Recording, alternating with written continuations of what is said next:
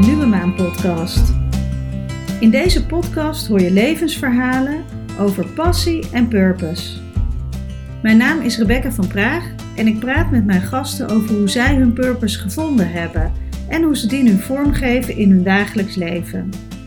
En dit is jouw podcast voor een flinke dosis inspiratie en handvatten als jij met meer bezieling en met meer zingeving wil leven.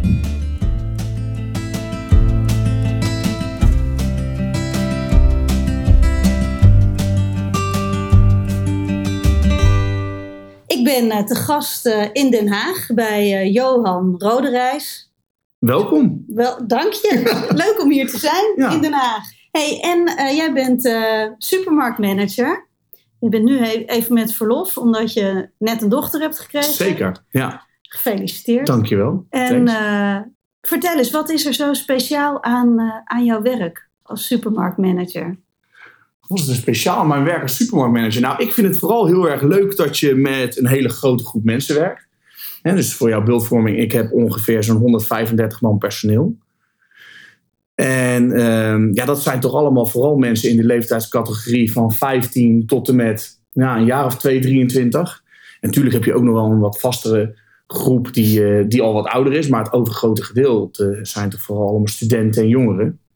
Ja, en die dynamiek is vooral heel erg leuk. Hoe kan je zo'n groep mensen nou maximaal in hun kracht zetten? Hè, dat ze met plezier naar hun werk komen. En dat ze ook gewoon eh, het beste uit zichzelf kunnen halen. Dat spel is heel leuk om te spelen. Oké. En, en is het, eh, want je zou gewoon denken, ze moeten gewoon eh, vakken vullen en zorgen dat die tomaten goed liggen. Ja, dat, dat, dat is wat er uiteindelijk, dat moet de output zijn. Ja. Ja, de output moet inderdaad zijn dat je gewoon een lekkere winkel hebt en dat die tomaatjes er inderdaad mooi bij liggen.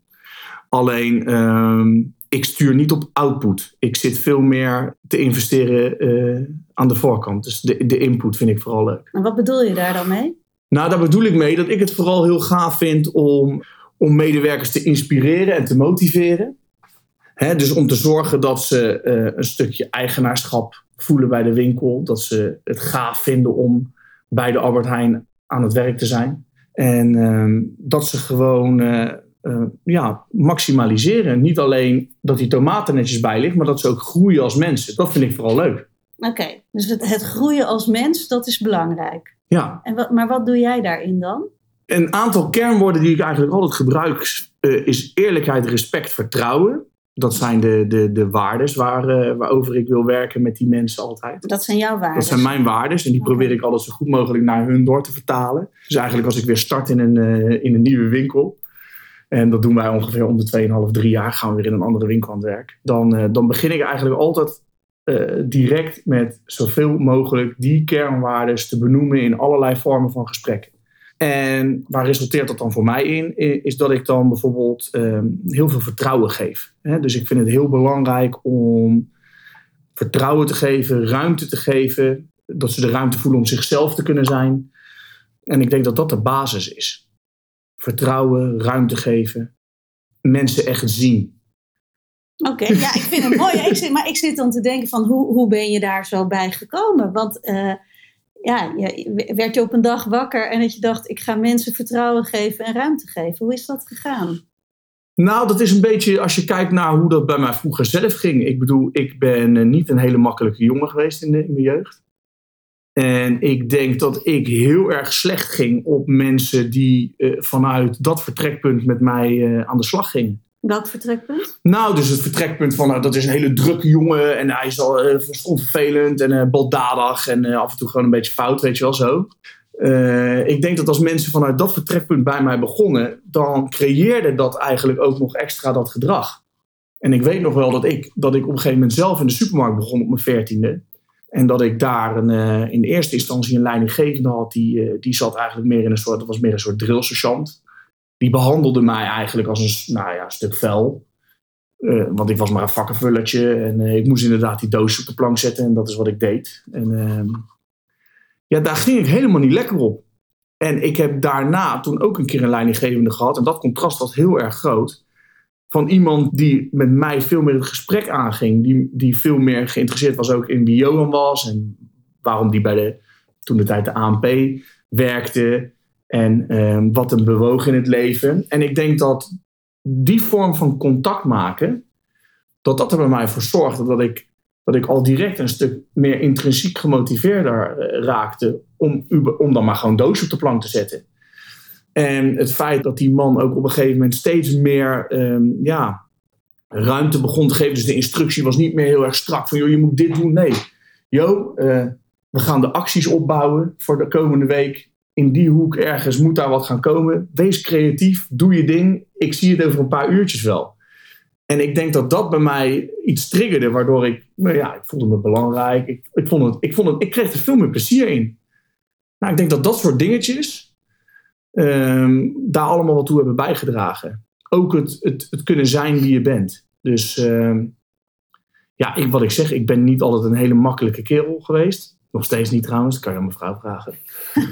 maar uh, ja, ik, ik, ik denk dat het gewoon heel belangrijk is als je het gevoel hebt dat je er mag zijn. En, en dat daar niet direct een oordeel over gegeven wordt.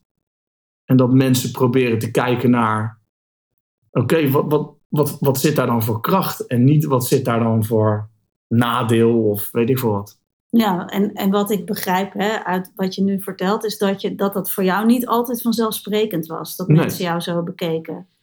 Nee, nee, want ik, ik heb vroeger in mijn jeugd behoorlijk last gehad van ADHD. Die diagnose raak je nooit meer kwijt, alleen dat is inmiddels in mijn volwassen leven heeft dat wel een, een beter plekje gekregen. Maar in mijn jeugd heb ik daar wel heel veel last van gehad. In de vorm van heel impulsief en, en, ja, heel erg de grens opzoeken in alles. En ook heel vaak de grenzen overgaan echt leren in het leven door te vallen. En door eh, heel veel pijn te lijden, om het maar zo te zeggen. En dan niet zozeer fysiek, maar vooral mentaal. Hè, door er tegen teleurstellingen aan te lopen, door tegen dingen aan te lopen die niet direct lukken. Maar dan wel uiteindelijk de ruimte te krijgen om het op jouw manier te doen. En dan eigenlijk pas te ontdekken dat het niet alleen maar slecht is wat je doet. En ik heb wel tijden in mijn leven gehad, vooral op school, dat er vooral heel erg werd benadrukt wat er niet goed was aan Johan. Mhm. En op een gegeven moment is dat, is dat een beetje gekanteld. En, en ben ik, zijn mensen meer de dingen gaan zien van ja, Johan is een, is een topvent, want die heeft dit en zus en zus en zo. Hij heeft ook wel wat scherpe randjes, en dat is dat, maar dat, dat was toen wat meer op de achtergrond. En ik denk dat dat mij meer, dat heeft ervoor gezorgd dat ik ja, steviger in mijn schoenen ben gaan staan, zelfverzekerder ben geworden. En uiteindelijk ehm, mijn kracht heb gevonden. En nu ook, ja. En wat is je kracht? Wat heb je dan gevonden? Nou ja, mijn kracht is, is dat ik, ehm, ik, ik, ik, noem, ja, ik noem dat altijd oprecht contact maken. Is dat ik, dat ik goed contact kan maken met mensen. Ehm, dat ik mensen kan raken. Mhm. Ehm, dat, ik, dat ik denk dat ik mensen kan motiveren. enthousiast kan krijgen. Ja, dat. Ik denk dat dat Zeker ook in mijn huidige baan. Maar als je kijkt op wat mensen vaak benoemen van joh, daar moet je Johan voor hebben. Dan is dat denk ik wel waar ik echt uh, sterk in ben. Hoe gebruik je dat dan nog meer behalve in je baan? Hoe gebruik ik dat nog meer behalve dan in mijn baan? Nou ja, het is denk ik meer een way of life. In de, eh, in de vorm van, uh, ik probeer in ieder contact wat ik eigenlijk wel heb met mensen, probeer ik eigenlijk altijd wel uh, daar iets uit te halen. En wanneer haal jij er iets uit? Wanneer is het voor jou dat je denkt, yes, dit was leuk? Of mooi of bijzonder? Nou, dat, dat heb ik altijd wel op het moment dat ik het idee. Nou, als, als je, nou, eigenlijk als beide partijen er wat aan gehad hebben. Dus op het moment dat ik eruit kom met een bepaald gevoel, of een stukje kennis, of uh, wat dan ook, maar gewoon iets positiefs. Oh, en als ik merk dat de andere partij dat ook heeft gehad, die heeft, die heeft een gevoel van opluchting, of die, die heeft zich uh, gewaardeerd gevoeld, of gezien gevoeld, of, of die heeft extra kennis kunnen krijgen, dat, dat, je er gewoon, dat het, dat het waarde heeft gehad. Eigenlijk, ja, dat het waarde heeft gehad. Oké. Ik hou niet van uh, heel veel leeg, ik hou niet van lege gesprekken, vind ik soms van de tijd. Ja, dat legt de lat hoog. Ja, dat legt de lat hoog, ja. ja, want hoe is, hoe is het dan als je als het dan niet lukt? Nou, dat is trouwens niet waar. Ik hou af en toe echt wel van lege gesprekken. Maar dat is dan vooral op zaterdagavond. Gewoon een beetje met uh, vrienden. Gezellig. dan kunnen we best een leeg gesprek voeren, ja. Ja. ja. Toen jij uh, jong was, zeg maar zo uh, 15, 16, had je toen een droom of iets wat je wilde worden later? Nou, ik weet nog wel, als 15, 16 vind ik wel lastig om te benoemen. Misschien ik, eerder. Ik weet nog wel dat ik vroeger in het vriendenboekje, dat was toen natuurlijk altijd een dingetje, en dan moest je natuurlijk altijd je beroep in opschrijven. Nou, daar schreef ik dan eigenlijk altijd wel. Uh, ik heb daar brandweerman ingeschreven, politieman, gevechtsleider bij de Koninklijke Luchtmacht. Dat zal ik nooit vergeten. Die schreef ik op in groep 3. Gevechtsleider bij de Koninklijke Luchtmacht. Ja, bizar. En uh, eigenlijk allemaal hele gave actieberoepen. En dat, dat was natuurlijk allemaal een klein beetje voortkomend uit wat je dan op tv zag. En, en dat soort dingetjes. En ik denk dat ik, dat ik daarna gewoon uh, daar niet heel erg meer bij stil heb gestaan. Het nadeel van ADHD is dat je minder in het moment leeft. Minder bewust leeft eigenlijk omdat je heel veel prikkels krijgt, ga je eigenlijk een beetje door het leven heen. En dat, dat, dat, de, de bewustzijnsmomenten, die moet je echt creëren. Dat moet je leren. Mhm. en dat heb ik in mijn jeugd niet kunnen doen. Ik denk dat ik, dat ik in mijn jeugd als een straal... Ik, ik ben als een straaljager door mijn jeugd heen gegaan. En dat is niet per definitie negatief hoor. Een fantastische jeugd gehad. Maar dat, dat, dat is, dat, daar heb ik heel weinig bewustwordingsmomenten, denk ik, gehad. Die, die zijn echt pas later gekomen. Het grappige is wel dat toen ik later meer ben gaan leren om bewust stil te staan bij dingen, bewust te genieten van bepaalde dingen, is dat ik dan toen wel kon terug analyseren. En dat ik dan wel kon zeggen van, nou, ik, ook al heb ik dan misschien in mijn jeugd minder bewuste momenten gehad, ik denk toch wel dat ik bepaalde keuzes heb gemaakt die dan misschien toevallig wel gewoon goed zijn uitgekomen. En wel, wel toch wel een soort van bij mijn purpose altijd hebben gehoord. Hm. Ja, en ja, je zegt nu veel uh, dingen waarvan ik denk, oh, oh, dat, ik vraag me af sowieso of jongeren of kinderen heel bewust in het moment zijn. Dat, dat is. Ik, ik, nou, het maar, grappige in mijn. Wat, wat zag je dan bij anderen bijvoorbeeld? Nou, dat, dat, dat merk ik nu, weet je. Ik, ik spreek natuurlijk wel eens met, uh, met collega's van een jaar of 15, 16, die dan uh, ambities hebben die, uh, die door willen groeien bij Albert Heijn. Of die gewoon ook bij mij lekker binnenkomen om te praten over van alles. Hè. De baan van supermarktmanager, ik wil niet zeggen dat het bij iedere supermarktmanager zo is, maar in ieder geval wel bij mij, um, is eigenlijk ook een soort van psycholoog. Want ik kan het ene moment een gesprek hebben met een uh, 40, 45-jarige vrouw die op het punt van scheiden staat en uh, helemaal in de, in de penarie zit. Het andere moment heb ik weer een gesprek met iemand die uh, zijn net zijn salaris uh, is ingenomen door een schuldeiser. En die leeft nog maar van 10 euro en die komt er niet meer uit. En het andere moment heb ik weer een 15-jarig meisje zitten die zich heel onzeker voelt en die niet bij de ouders terecht kan met de problemen. Maar die, weet, en die, die, die komen ook bij mij. En, en, maar is dat dan zeg maar standaard van uh, je hebt om de maand een gesprek met Johan of kloppen ze uit zichzelf bij je aan? Nou, dat is denk ik het grootste compliment wat ik altijd uh, krijg. Is dat mensen de ruimte voelen om altijd naar me toe te komen. Dus mijn deur staat eigenlijk altijd open. Daar heb ik zakelijk zelf enorm veel last van. Dat resulteert er namelijk regelmatig in dat ik met een lijstje van 10 punten de dag begin. En aan het einde naar huis toe rij. En dan er nog steeds 8 punten op heb staan. En dan heb ik de hele dag hard gewerkt. Uh, maar niet aan de dingen die uh, op dat moment voor mij even belangrijk waren, maar heb ik vooral in dienst gestaan van anderen.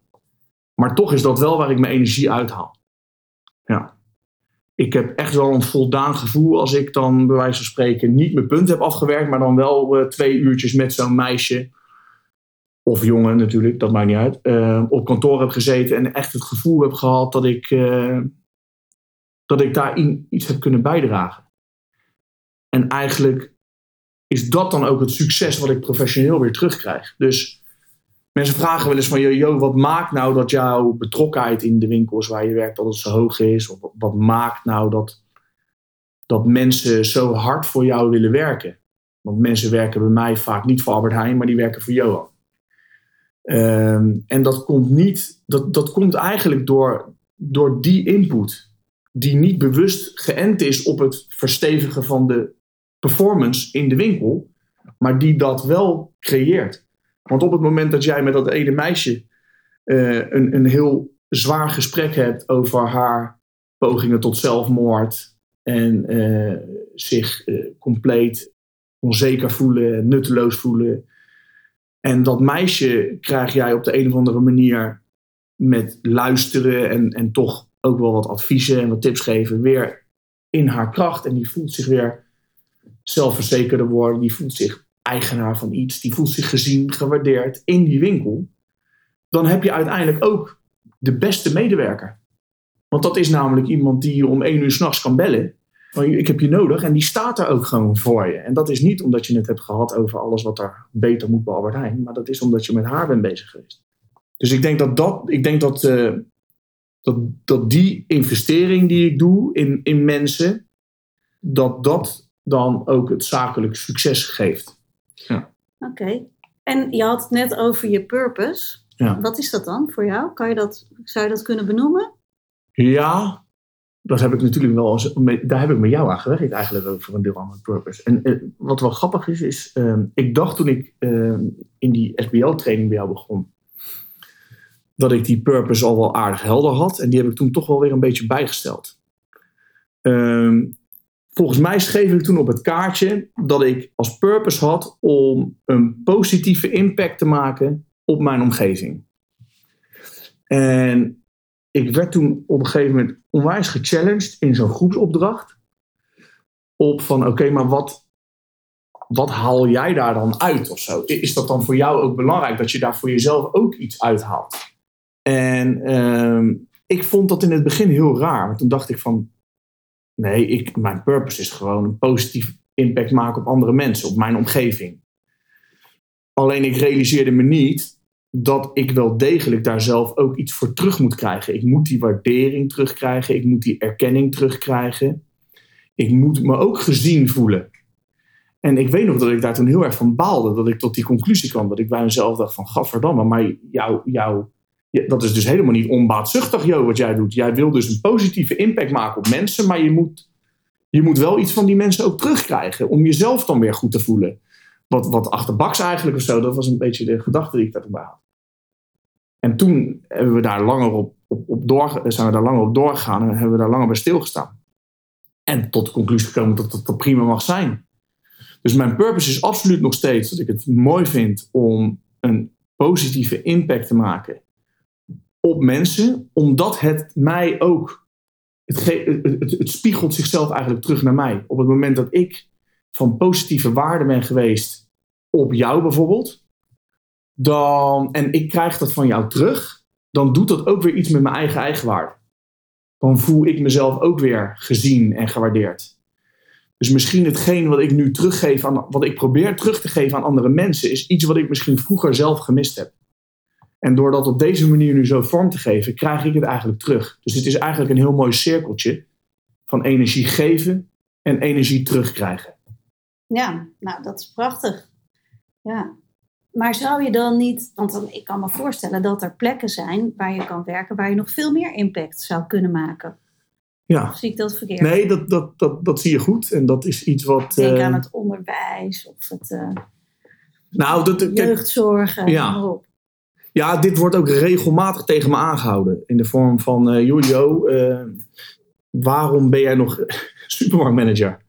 Ja, dat, dat vind ik ook een lastige vraag. Een van de, de redenen waarom ik nu dus, nou je zei het net al, ik heb een dochter gekregen, dus ik ben nu 17 weken vrij. Een van de redenen dat ik ook die lekkere 17 weken vrij heb genomen, is omdat ik eens even goed wilde nadenken bij mezelf van oké, wat, wat wil ik nou?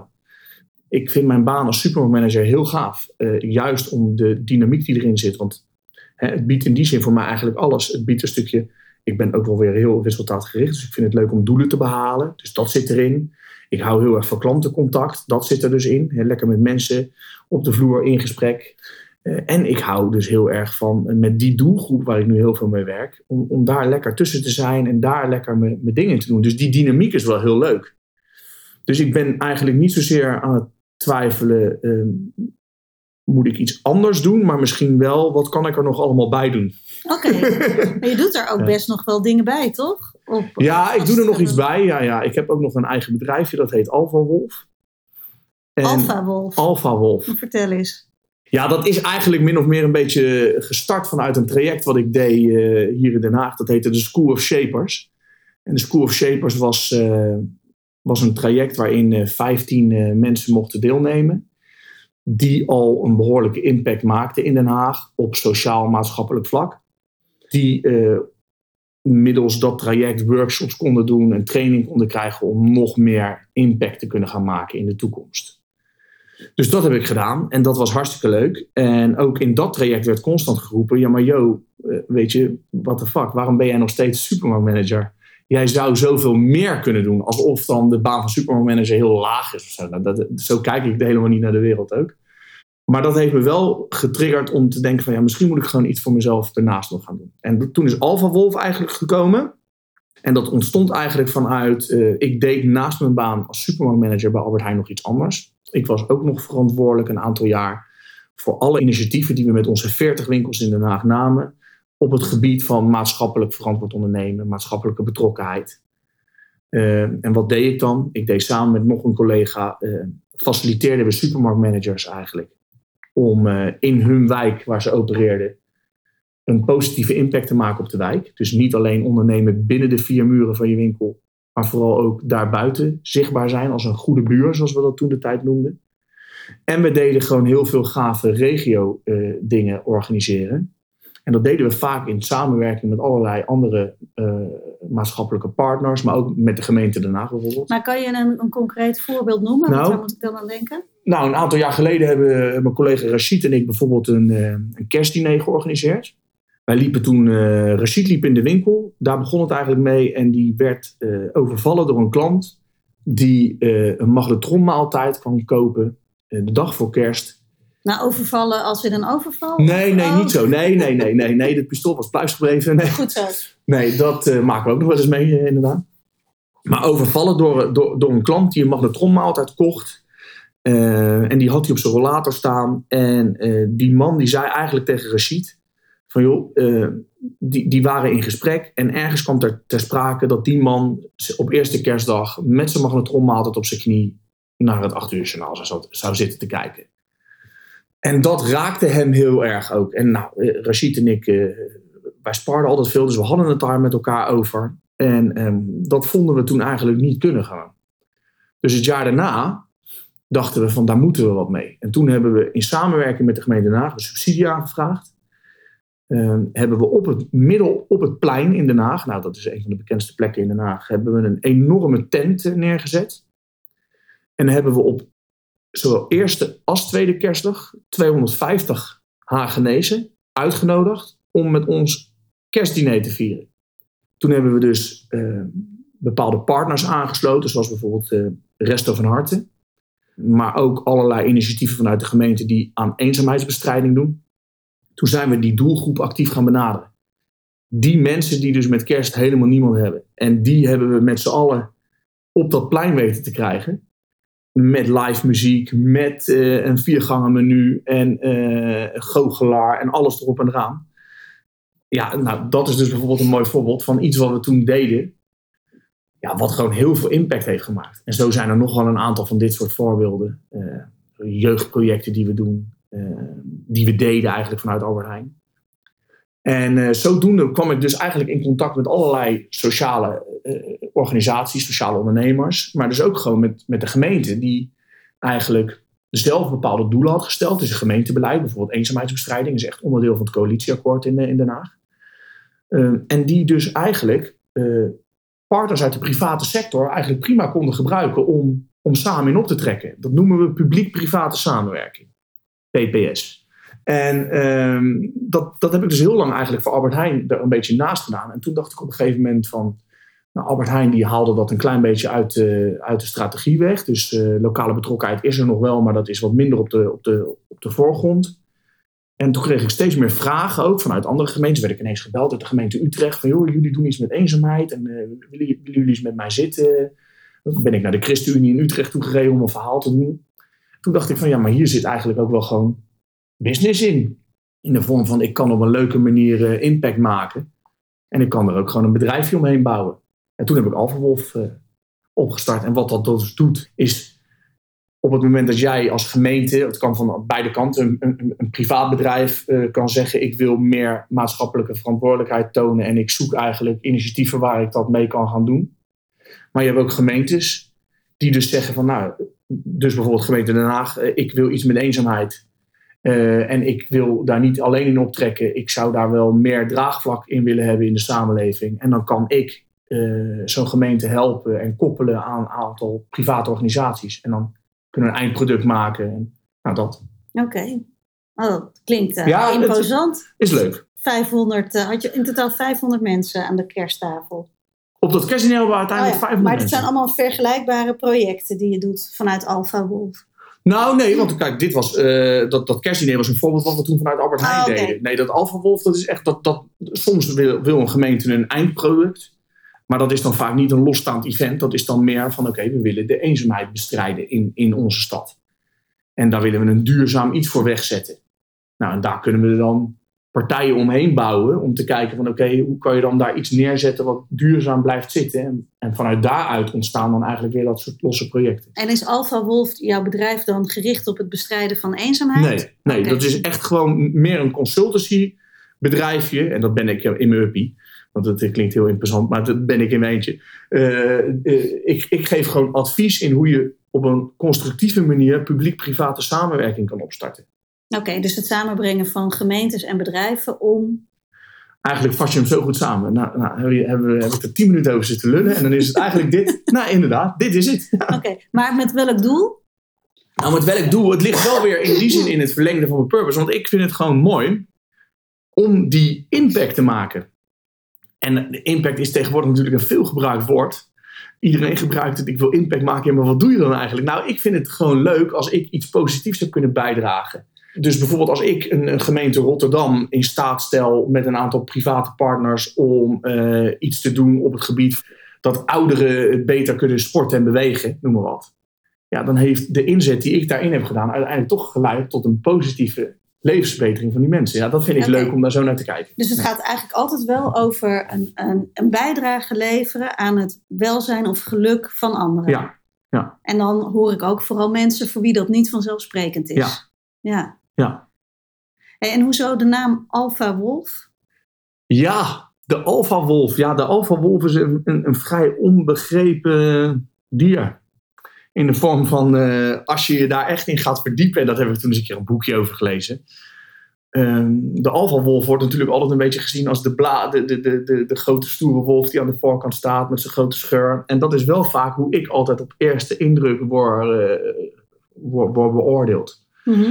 Ik, de mensen thuis die zien dat nu natuurlijk niet, maar ik ben eh, bijna 2 meter, 120 kilo in een kale kop. Eh, harde stem, lekker Haags. Dus op het moment dat ik vaak ergens in een training binnenloop of, of in een ruimte met mensen en die zouden puur ingaan op vooroordelen, dan word ik toch vaak een beetje als zo'n mannetje ingeschat. De alfa-wolf heeft dat eigenlijk ook.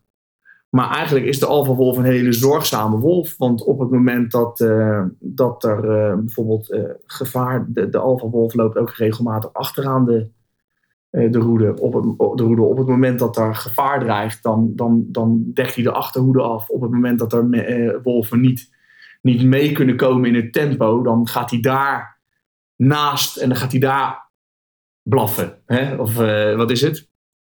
Hij is in ieder geval echt wel een wolf die, die ervoor zorgt dat die hele roedel in de kracht staat. Die hele roedel overleeft, doordat de alfa-wolf eigenlijk op meerdere facettes in die roedel zijn impact maakt. Nou, zo. Ja, mooi. Dus het is een metafoor eigenlijk voor Ja, jouzelf. Ja, Ja, top. Hey, en ehm, ik weet dat je bent... eh, je, je beschrijft nu ook hè, je, je uiterlijk en, en je Haagse afkomst. Ja. eh, of tenminste, ehm, volgens mij heb je verschil tussen Hagenees en Hagenaren. ja. ja ik ben een Hagenees. Hagenees. Eh, eh, vertel eens, wat is daar de impact van op jouw leven? En wat bedoel je dan precies? Nou, hoe, hoe, hoe... Je zegt dat mensen daar een bepaald oordeel op hebben. Ja. Wat merk je dan?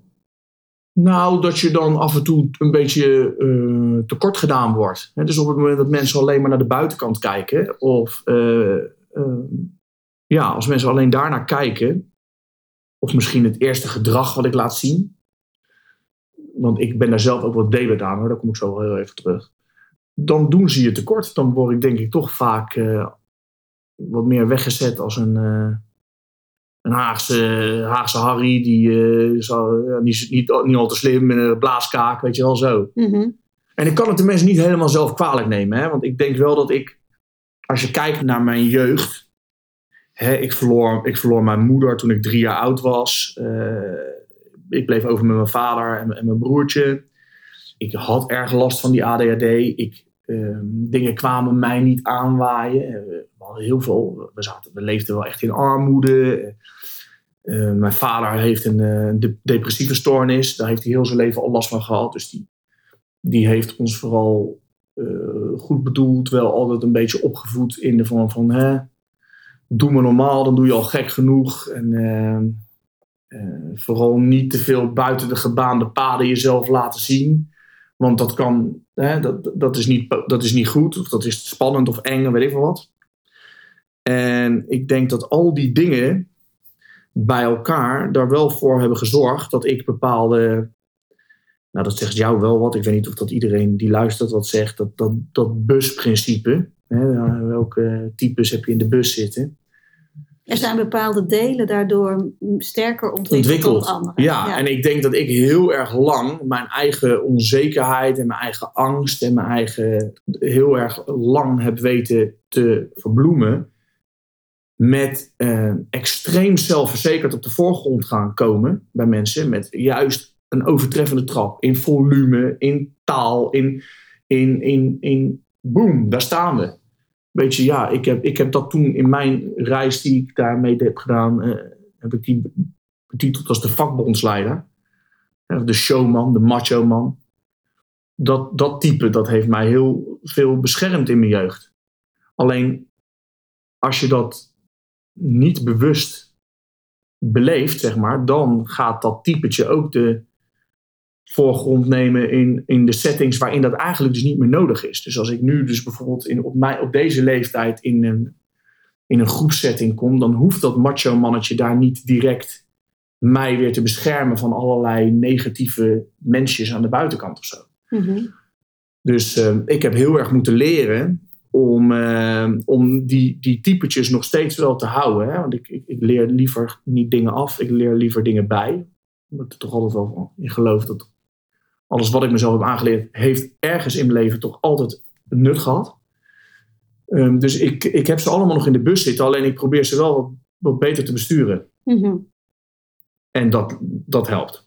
Hey, en wat was voor jou dan, uh, was er een, een bepaalde omslag dat je ontdekte van hé, hey, die vakbondsleider, die is, die, daar heb ik mezelf zo mee geïdentificeerd. Dat zou ook anders kunnen? Of is, was het een geleidelijk proces? Hoe is dat gegaan? Nou, dat, ik denk niet dat er echt een moment geweest is van boem, uh, nu moet je er vanaf. Ik denk wel dat het in die zin geleidelijk was. Maar ik denk dat het op een gegeven moment wel kwam. Kijk, ik, ik denk dat een van mijn sterkste, of een van mijn sterke kwaliteiten ook wel is, is dat ik heel erg reflectief ben naar mezelf. Uh, dat is aan de ene kant ook wel weer heel vervelend. Daardoor ben ik niet heel snel tevreden. En ik ben altijd heel erg aan het kijken wat kan anders, wat kan beter. Maar ik denk dat dat ook wel in die zin dan nu weer mijn geluk was. Want dat maakte dat ik bijvoorbeeld in, in, in trainingen ook wel regelmatig aan mensen vroeg van joh, hoe kom ik dan nu over? Soms kreeg ik het ook wel eens gewoon proactief van mensen terug. En ik begon gewoon te merken dat het beeld wat ik aan de voorkant af en toe afgaf, dat dat gewoon eigenlijk niet uh, die Johan was die ik het liefste had willen laten zien. En als ik dan bij mezelf ging reflecteren van wat, maakt nou dat, dat je die Johan dan niet gelijk laat zien, dan kreeg ik toch wat warmer of zo. Dan dacht ik toch van, uh, leek het toch alsof ik dat toch nog steeds wel spannend vond of zo. Van joh, uh, ja, je, je hebt jezelf je hele leven eigenlijk aangeleerd dat je moet. Uh, dat dat de manier is hoe je de boze wereld op afstand kan houden. Dat het dan nog steeds, en dan ben ik nu 36 jaar, vader van twee kinderen, dat het dan nog steeds uh, soms spannend voelt om dat macho mannetje achter in de bus te laten zitten en misschien juist een wat kwetsbaar persoon aan de voorkant te laten zien. En ik denk niet per se dat dat ik denk dat heel veel mensen dat hebben. Want hè, ik bedoel, wie, wie laat er nou direct bij vreemde mensen aan de voorkant al zijn kwetsbaarheid zien? Ik denk dat bijna niemand dat doet. Maar ik denk wel dat, dat ik daar misschien wat in doorsloeg. ja. ja. Ja, en, en als je dat zo even in een paar zinnen vertelt hè, over het verlies van je moeder en uh, de geestelijke gezondheid van je vader en de, ja, de situatie waar jij met je broertje in opgroeide, dan denk ik dat ja, wat was er gebeurd als je geen vakbondsleider in jezelf had ontwikkeld? Ja, nou, ja, dat is de vraag. Dat is de vraag. Dus daarom zeg ik inderdaad van, weet je, ik, nu is hij misschien... Ik wil hem ook niet negatief maken. Hij is nu minder nodig. Ja. Dat is wat anders dan hem nu helemaal kwaad afschilderen. Weet je, hij heeft echt wel zijn, uh, zijn doel gediend. Alleen nu moet ik leren, en dat is ook tevens nog steeds af en toe de uitdaging voor mij. Nu moet ik leren om, om effectiever in te zetten. Dus laat hem vooral shine op het moment dat hij nodig is. In het verkeer bijvoorbeeld. Hè? Dat iemand me eraf snijdt, ja, ja, dan moet hij er toch wel even aan te pas komen. Nee, maar ik bedoel, hij is af en toe nog steeds effectief. Ja. Want uh, ik kan er namelijk ook heel veel uh, uh, kracht uit weghalen. Dus op het moment dat ik het bijvoorbeeld heel erg spannend vind, iets. Hè, ik, sinds een aantal jaar mag ik ook nog af en toe wel eens wat verhalen vertellen op een podium. Voor een groep mensen.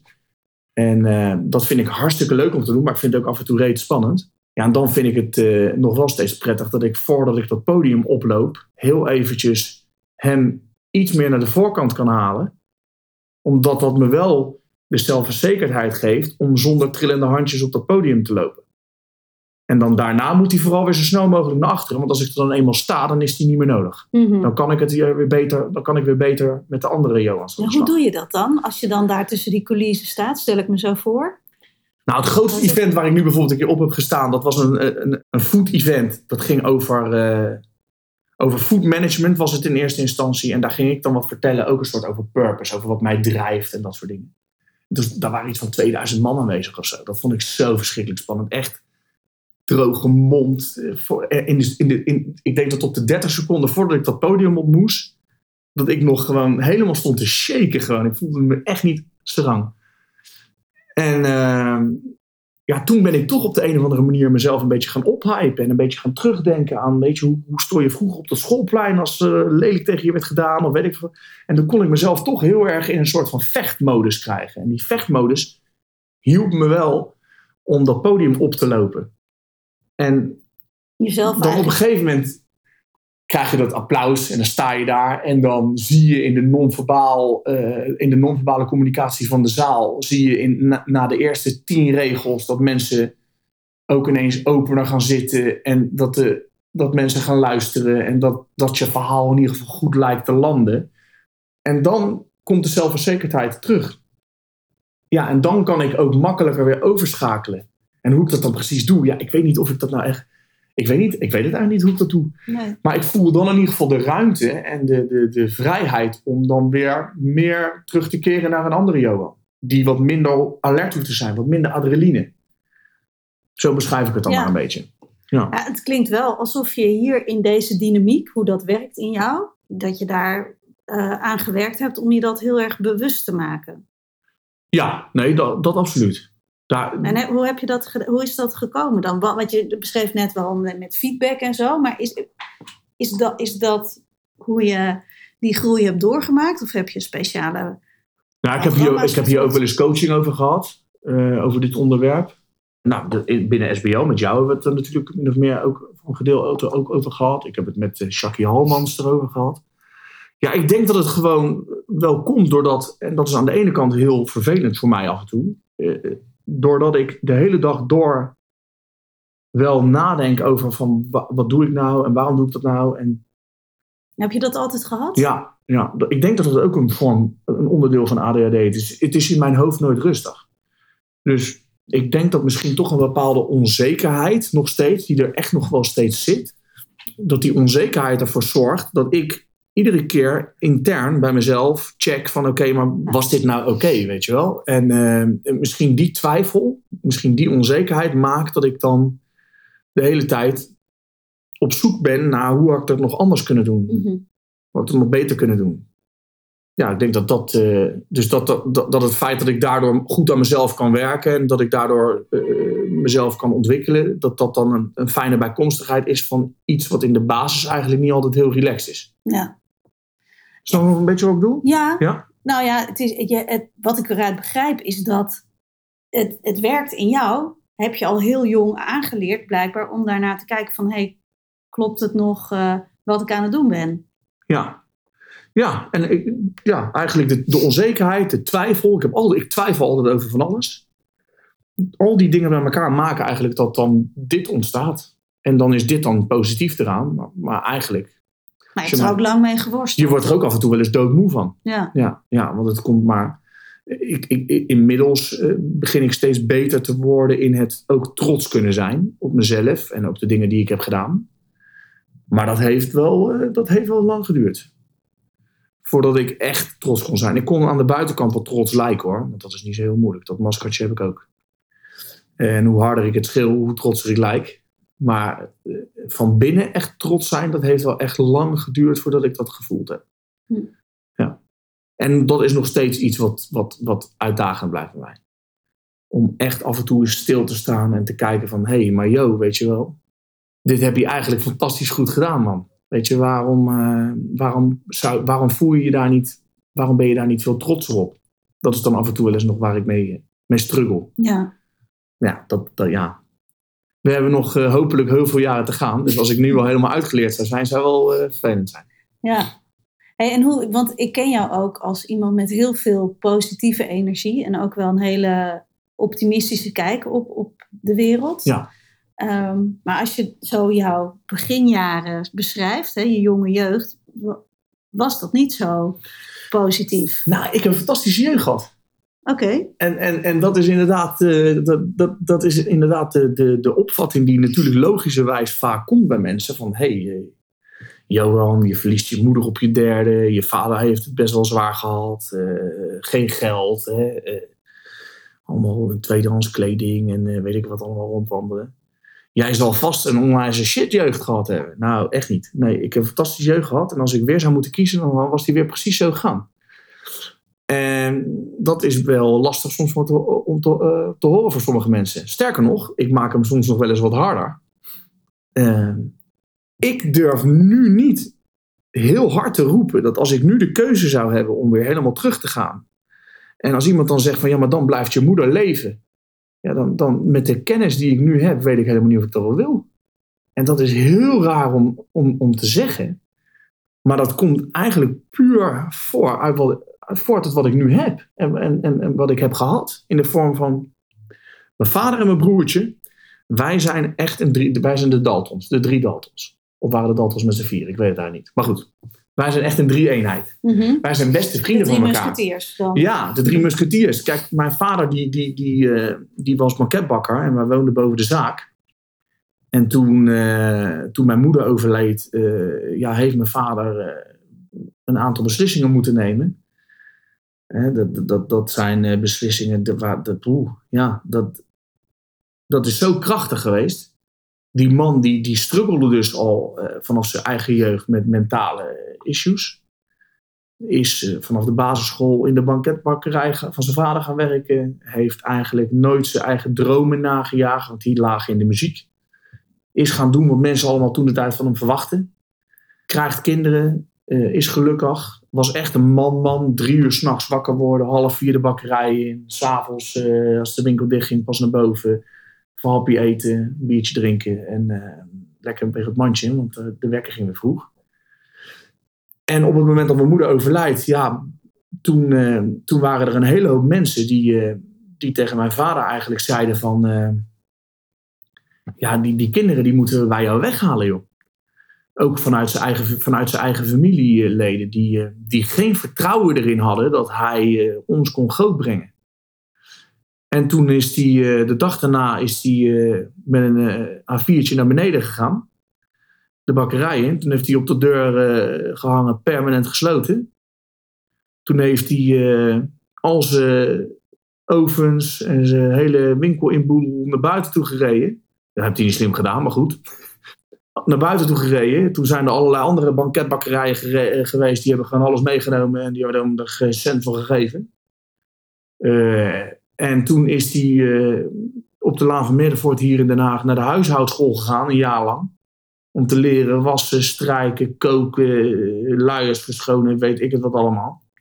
En toen heeft hij de zorg over ons op, op zich genomen. Dus mijn vader was altijd thuis. En en ehm, die, die, het feit dat hij ons echt nodig had, eigenlijk in de, in de moeilijke momenten van zijn leven, maar wij hem ook heel erg nodig hadden, maakt dat wij zo versmolten zijn in elkaar eigenlijk dus ik heb een fantastische jeugd gehad.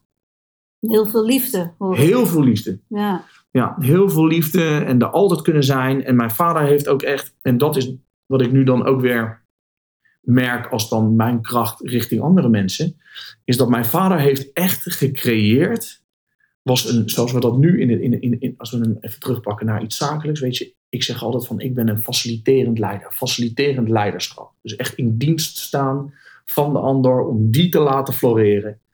Nou, dat is eigenlijk ook wat hij min of meer in zijn opvoeding heeft gedaan. Hij heeft echt zichzelf dienstbaar opgesteld richting ons, om ons zoveel mogelijk te faciliteren. En dan niet zozeer in geld en in spullen, maar vooral in liefde, in toch raad, kennis, luisterend oor. Ons vooral laten zijn wie we zijn. Mijn vader heeft nooit van zijn leven meegewild in het labeltje van ADHD. En, en, en iedereen van de scholen die van alles vonden van Johan. En zeiden, mijn vader vertelde wat, wat hij vooral allemaal met mij moest doen. En hij heeft altijd gezegd, Johan is gewoon Johan. En Johan is een fantastische jongen. En uh, hij is inderdaad lekker aanwezig en lekker druk. Maar hij is goed daarin. En hij kan fantastisch dit en hij kan fantastisch dat. En altijd mijn grootste ambassadeur geweest. Die manier van opvoeden ook. En daar altijd voor ons zijn. Dat, dat ik de ruimte altijd heb gevoeld. Als ik uh, mijn eerste kusje, mijn eerste keer naar bed ga met een meisje. Ik besprak het met mijn vader. Eerste keer drugs gebruiken. Ik besprak het met mijn vader. Weet je, al, alles wat, wat, heel, wat ik nu bij jongeren ook vaak merk eh, wat, wat niemand met zijn ouders bespreekt. Mijn vader was de eerste die alles hoorde. En eh, ja, dat, dat, dat maakt eigenlijk dat het in de loop der jaren op een gegeven moment is hij, is, is, zijn die verhoudingen wel helemaal scheef gegaan in de vorm van er was niet echt meer een ouderlijke macht. En dat was op een gegeven moment natuurlijk ook niet meer nodig. Dat is meer op een gegeven moment echt een vriend geworden. Dus pa is meer ja, een vriend. En hij geeft me nog steeds hele wijze raad. En die heb ik ook af en toe nog nodig. Maar die, die, ja, die verhoudingen zijn heel mooi. En die had ik, die had ik niet gehad als mijn moeder nog had geleefd. Want als mijn moeder was blijven leven, was mijn vader de man geweest tot aan vijf jaar geleden. Toen hij met, dan, dan zou hij officieel met pensioen gegaan zijn. Dan was het de man geweest die om half vier s morgens de bakkerij in was gegaan. En om vijf uur s middags thuis was gekomen. En had ik hem misschien alleen bij het eten gezien. Heel mijn leven. En dan was dat het. Misschien was mijn moeder wel een onwijs kreng geworden. ja, nee, maar weet je, je weet het niet. Nee. Je weet niet wat je had gehad, je weet wel wat je hebt. Ja, ja dat is denk ik wel wat ik, als ik jou hoor praten, heel erg uh, kunnen kijken naar wat is er goed. Wat je vader ook deed met jou. Ja. Dat dat ook wel maakt dat je daardoor heel positief in het leven kan staan. Ja, ja en dat maakt het voor mij ook heel makkelijk om uh, bij mensen uh, te investeren in waar ze goed in zijn. En dat maakt het ook heel makkelijk om ze daarmee te enthousiasmeren. Hoe vaak ik wil niet, nou recent dan ook weer in de, in de, in de winkel waar ik nu laatst uh, gewerkt heb, weet je, ja, daar, daar kom ik dan binnen. En daar, daar, daar zit dan een, was dan één jongen, ik zal zijn naam niet noemen, ik weet niet of hij dat leuk vindt. Maar ja, die, die, die was in de jaren daarvoor uh, eigenlijk door die had ambities, die wilde graag hogerop, maar die heeft van meerdere managers te horen gekregen dat hij, uh, nou ja, hij zag er niet representatief uit en het was een kwaai jongen en een beetje, zag eruit een beetje een crimineeltje en zo werd hij ook weggezet. En ja, als je zo'n jongen maar vaak genoeg dat teruggeeft en hem ook zo naar hem gaat kijken, dan, uh, dan is dat ook het gedrag wat, wat, je, blijft, wat je blijft zien. Dat, dan hou je ook iets in stand. Mm -hmm. En ik, ik heb een gesprek met hem gedaan en ik heb alles gezien wat al die andere mensen ook hebben gezien. Maar ik zag ook nog iets extra's. En dat extra's is denk ik altijd waar ik naar op zoek ben. Want ik zag ook namelijk een enorme drive en ik zag een enorme onzekerheid ook bij hem van binnen en uh, uh, om, om het goed te doen. En hij was dan zijn vader verloren en draaide eigenlijk heel veel dubbele diensten met twee banen om zijn moeder te ondersteunen, weet ik wat allemaal. Tot die laag kom je niet als je mensen al afkapt op het eerste wat je ziet. En uh, dan ga je die mensen ook niet ontwikkelen. Die ontwikkeling zit op die laag waar je daarna komt. Nou, daar, daar probeer ik altijd dan naar te zoeken. Ja, mooi. Hey, en, en, en je hebt het net gehad over je vader. En, en ik, je hebt nou net een, een tweede kindje, een dochter. Je hebt ook een zoon. Ja. Heb je ook een beeld van wat voor vader jij wil zijn voor hun? Ja, ja, daar heb ik inderdaad wel goed over nagedacht voordat we eraan begonnen. Oh, voordat... ja, ja, ja, ja, ja. Ik wilde heel jong vader worden. Dat is niet gelukt, want ik ben nu 36. Dus uh, ik werd vader uh, voor het eerst toen ik 34 was. Ja, bijna 34. Ehm, en ik, ik wilde eigenlijk op mijn 23 al vader worden. Dat was heel gek, waar andere jongens rond die leeftijd eigenlijk alleen maar bezig waren met... ik wil zoveel mogelijk eh, meisjes en eh, lekker stappen en feesten. Had ik eigenlijk daar al gevoelens dat ik dacht van... Nou, doe mij maar gewoon een vaste relatie en een, eh, een gezin. Ik weet niet, ik heb dat altijd leuk gevonden. Dus ik heb er al vaak over nagedacht. En ja, dan cliché, dan, dan wil ik heel veel dingen geven die, die mijn vader mij gegeven heeft. En dat kan ik ook weer linken naar werk. Dat is namelijk die open deur. Dus dat is zorgen dat, dat mijn kinderen altijd het gevoel hebben dat ze bij papa terecht kunnen. Ik zou het heel vervelend vinden als mijn zoon of dochter later het gevoel heeft: ik kan dit niet met mijn vader bespreken. Er moet altijd ruimte zijn om naar mij toe te komen. In goede tijden en in slechte tijden. Dus op het moment dat mijn zoon dadelijk op het punt komt dat hij voor het eerste keer eh, een, een keer een ecstasy-pil wil gaan gebruiken, omdat hij dat wil testen, dan moet hij de ruimte voelen, ook al weet hij dat ik dat niet leuk vind, om naar mij toe te komen om, om dat te vertellen. En als hij dat dan gedaan heeft, dan wil ik het met hem bespreken en dan wil ik dat hij me zegt, dat. Dat vind ik heel belangrijk. Heel veel, ik wil ze heel veel liefde geven, dus ik wil heel veel mooie momenten met ze maken. En daar wil ik proberen hun ook te leren bewust bij stil te staan. Dat is in deze leeftijd natuurlijk nog lastig. Maar dat is wel iets wat ik, van, ik zeg van joh, ik, ik wil ze wel constant benoemen. Ook van hoe leuk het is en hoe goed het is wat we nu hebben. En er is ook wel iets fundamenteels wat ik anders wil doen ten opzichte van eh, wat mijn vader dan bijvoorbeeld gedaan heeft. En mijn vader is altijd wel een man geweest, vooral voor zichzelf. Want hij heeft het geprobeerd altijd wel bij ons weg te houden. Maar hij is zelf heel erg van, eh, nou, eh, eh, ik wil niet gezien worden. Eh, vanuit echt een enorm laag zelfbeeld, vanuit depressies ook en dat soort dingen. Wil ik graag dat mijn kinderen eh, echt een, een hele goede eigenwaarde, een gezonde eigenwaarde. Dus ik wil heel erg proberen daaraan bij te dragen. En dat probeer ik nu door echt te benoemen van hé, maar dit doe je, dat doe je heel goed. Eden, weet je wel, je bent nu 2,5 en, en hij is nu 2,5, maar als hij dan naar het potje is geweest, dan maak ik echt een feestje van. Ik probeer het echt, ik probeer echt heel veel ja, daarin te pompen, dat, dat, dat zijn eigenwaarde dadelijk, hij hoeft geen capsones te krijgen, maar hij moet wel een goede eigenwaarde hebben. Dat vind ik belangrijk. Ja, mooi. Ja.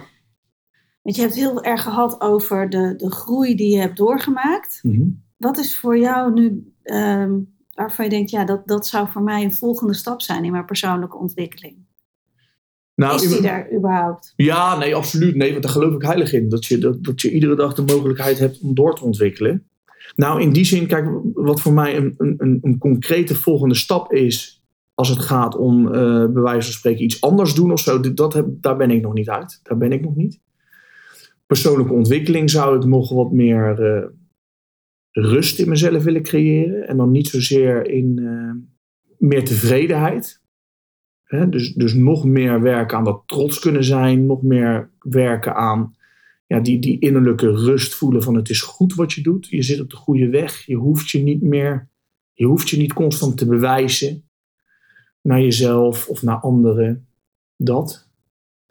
En ik zou het nog wel mooi vinden als ik, eh, als ik nog, ja, dat is dan wel wat ik misschien in de toekomst nog meer wil gaan doen. Als ik nog meer kan gaan doen met dat eh, andere mensen helpen om eigenlijk wat ik geleerd heb met heel veel tegen muren aanlopen, heel veel pijn lijden, om het maar zo te zeggen.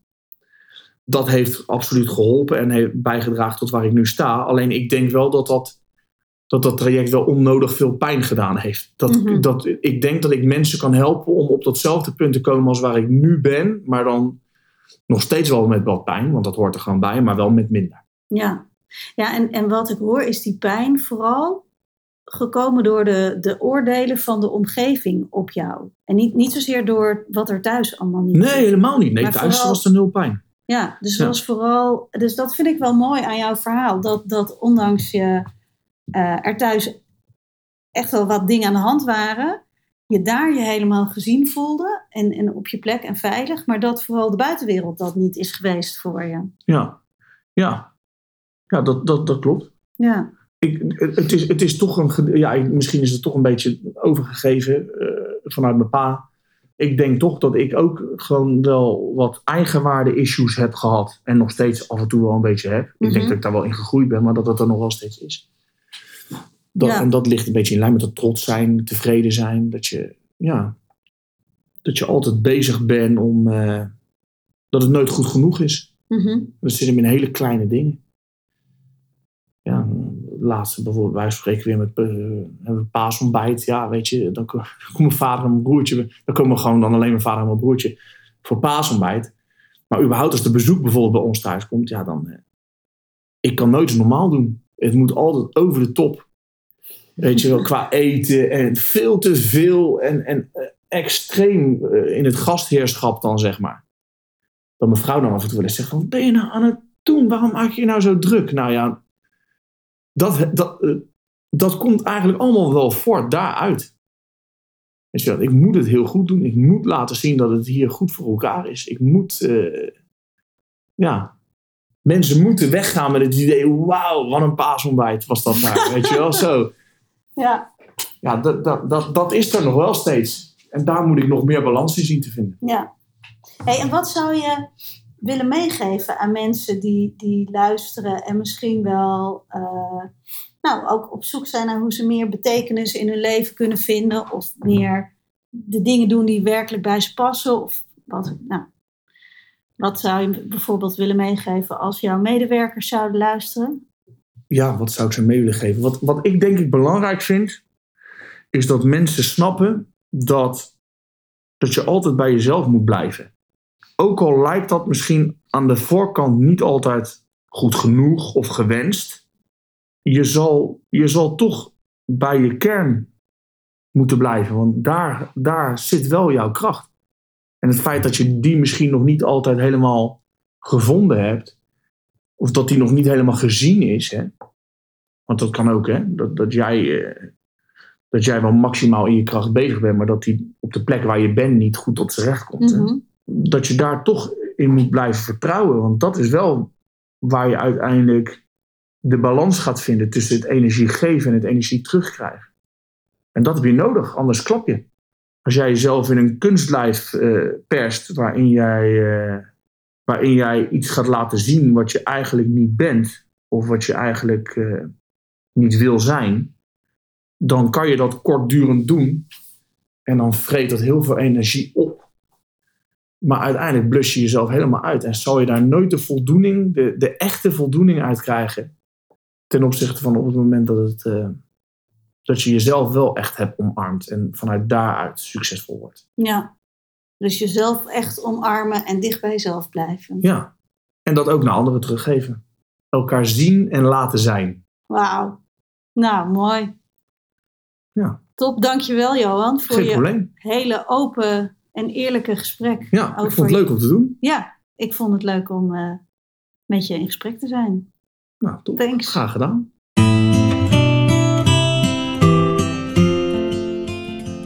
Dankjewel dat je naar de Nieuwe Maan podcast hebt geluisterd. Ik hoop dat het je heeft geïnspireerd en wellicht handvatten of ideeën heeft gegeven hoe je jouw purpose kan vormgeven in je leven.